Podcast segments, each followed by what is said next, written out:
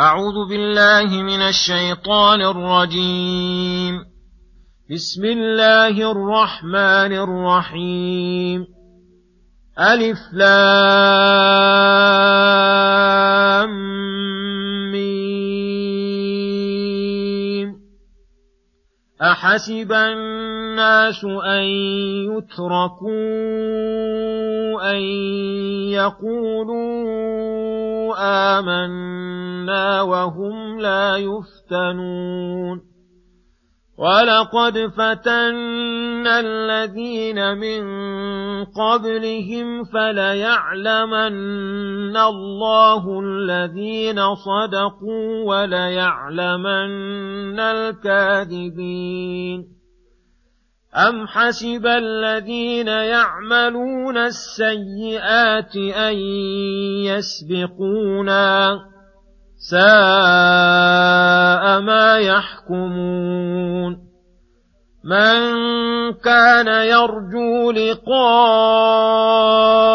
الله فإن أجل الله لآت وهو السميع العليم ومن جاهد فإنما يجاهد لنفسه إن الله لغني عن العالمين والذين آمنوا وعملوا الصالحات لنكفرن عنهم سيئاتهم لنكفرن عنهم سيئاتهم ولنجزينهم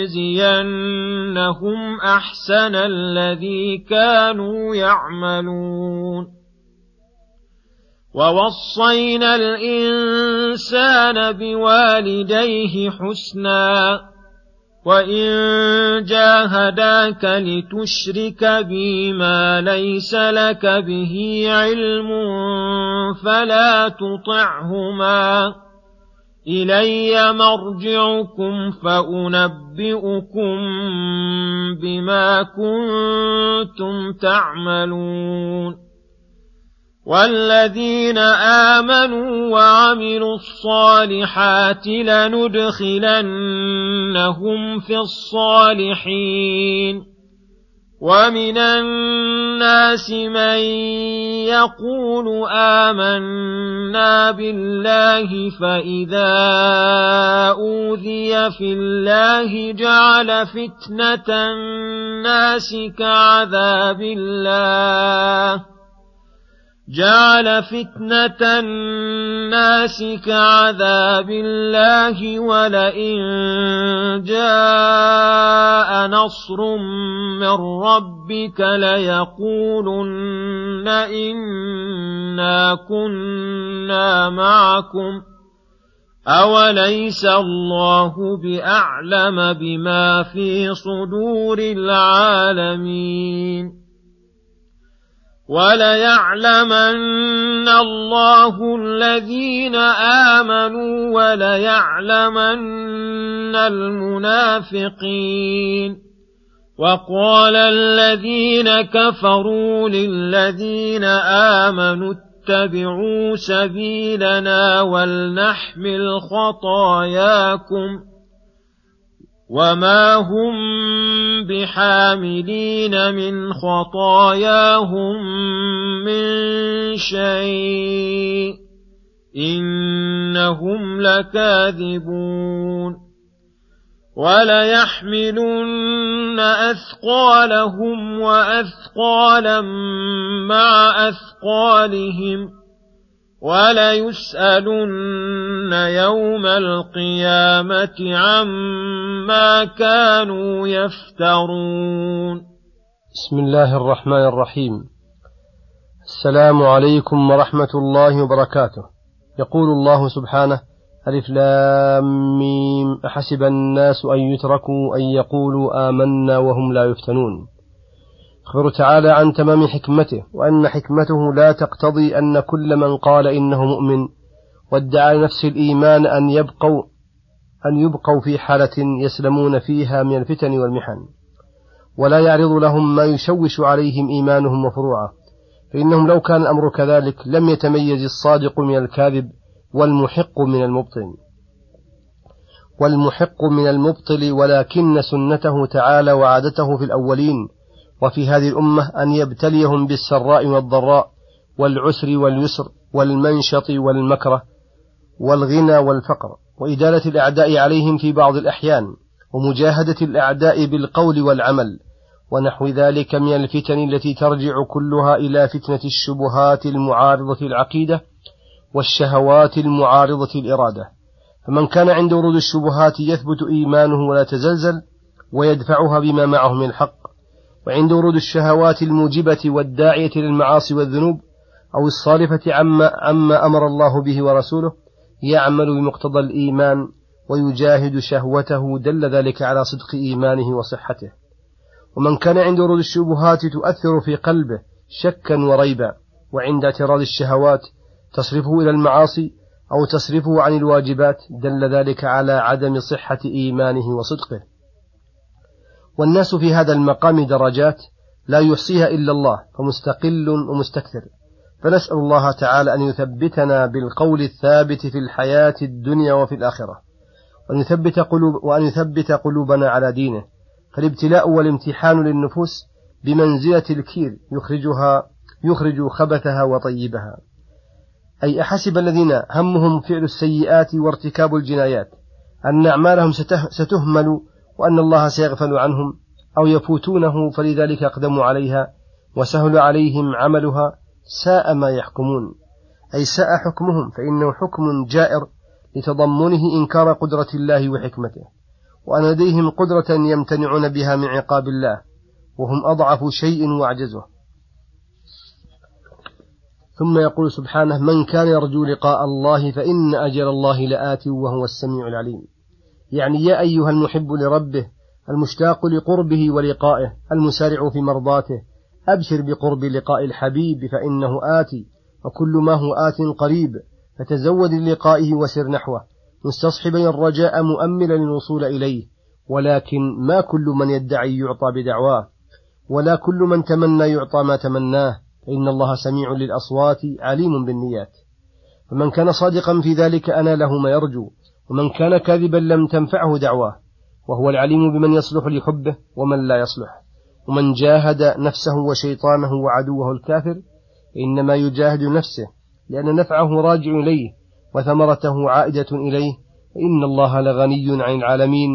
لم, يأمر لم يأمرهم به لينتفع به ولا نهاهم عما نهاهم عنه بخلا منه عليهم.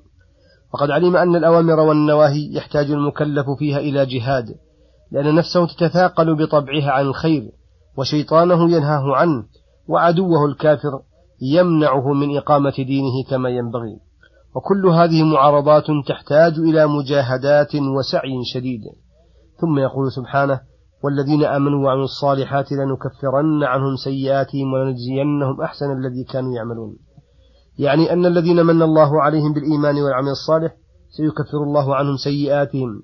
لأن الحسنات يذهبن السيئات ولنجزينهم أحسن الذي كانوا يعملون وهي أعمال الخير من واجبات ومستحبات فهي أحسن ما يعمل العبد لأنه يعمل المباحات أيضا وغيرها.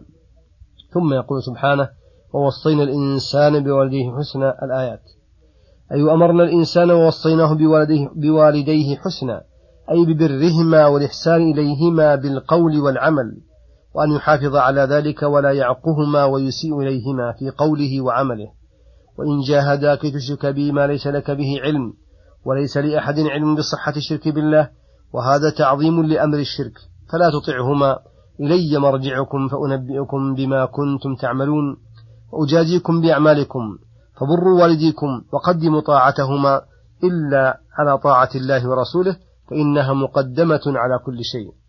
ثم يقول سبحانه والذين آمنوا وعملوا الصالحات لندخلنهم في الصالحين. أي من آمن بالله وعمل صالحا فإن الله وعده أن يدخله الجنة في جملة عباد الله الصالحين. من النبيين والصديقين والشهداء والصالحين كل على حسب درجته ومرتبته عند الله. فالإيمان الصحيح والعمل الصالح عنوان على سعادة صاحبه وأنه من أهل الرحمن ومن الصالحين من عباد الله.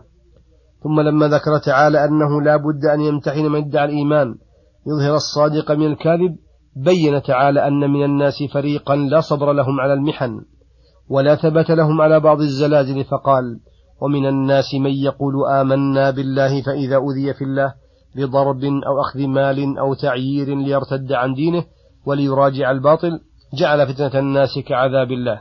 أن يجعلها صادة له عن الإيمان والثبات عليه. كما أن العذاب صاد عما هو سببه. ولئن جاء نصر من ربك ليقولن إنا, إنا كنا معكم. ولئن جاء نصر من ربك ليقولن إنا كنا معكم. لأنه موافق للهوى. هذا الصنف من الناس من الذين قال الله فيهم ومن الناس من يعبد الله على حرف.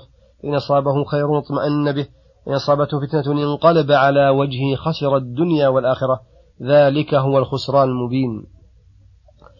أوليس الله بيعلم بما في صدور العالمين حيث أخبركم بهذا الفريق الذي حاله كما وصف لكم؟ فتعرفون بذلك كمال علمه وسعة حكمته. وليعلمن الله الذين آمنوا وليعلمن المنافقين. أي فلذلك قدر محنا وابتلاء ليظهر علمه فيهم فيجازيهم بما ظهر منهم. لا بما يعلمه بمجرده لأنهم قد يحتجون على الله أنهم لو ابتلوا لثبتوا. ثم يخبر تعالى عن افتراء الكفار ودعوة المؤمنين إلى دينهم وفي ضمن ذلك تحذير المؤمنين من الاغترار بهم والوقوع في مكرهم فقال وقال الذين كفروا للذين آمنوا اتبعوا سبيلنا فاتركوا دينكم أو بعضه واتبعونا في ديننا فإننا نضمن لكم الأمر ولنحمل خطاياكم. وهذا الأمر ليس بأيديهم فلهذا قال وما هم بحاملين من خطاياهم من شيء لا قليل ولا كثير. فهذا التحمل ولو رضي به صاحبه فإنه لا يفيد شيئا. فإن الحق لله والله تعالى لم يمكن العبد من التصرف في حقه إلا بأمره وحكمه وحكمه ألا تزر وازرة وزر أخرى.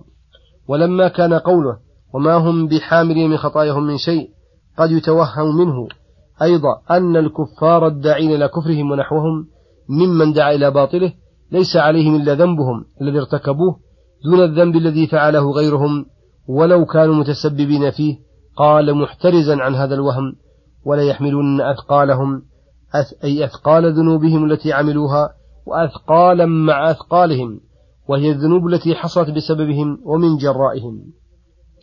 فالذنب الذي فعله التابع لكل من التابع والمتبوع حصة منه حصلت هذا لأنه فعله مباشرة والمتبوع لأنه تسبب في فعله ودعا إليه كما أن الحسنة إذا فعلها التابع له أجرها بالمباشرة وللداعي أجره بالتسبب ولا يسألن يوم القيامة عما كانوا يفترون من الشر وتزيينه وقولهم وقولهم ولنحمل خطاياكم.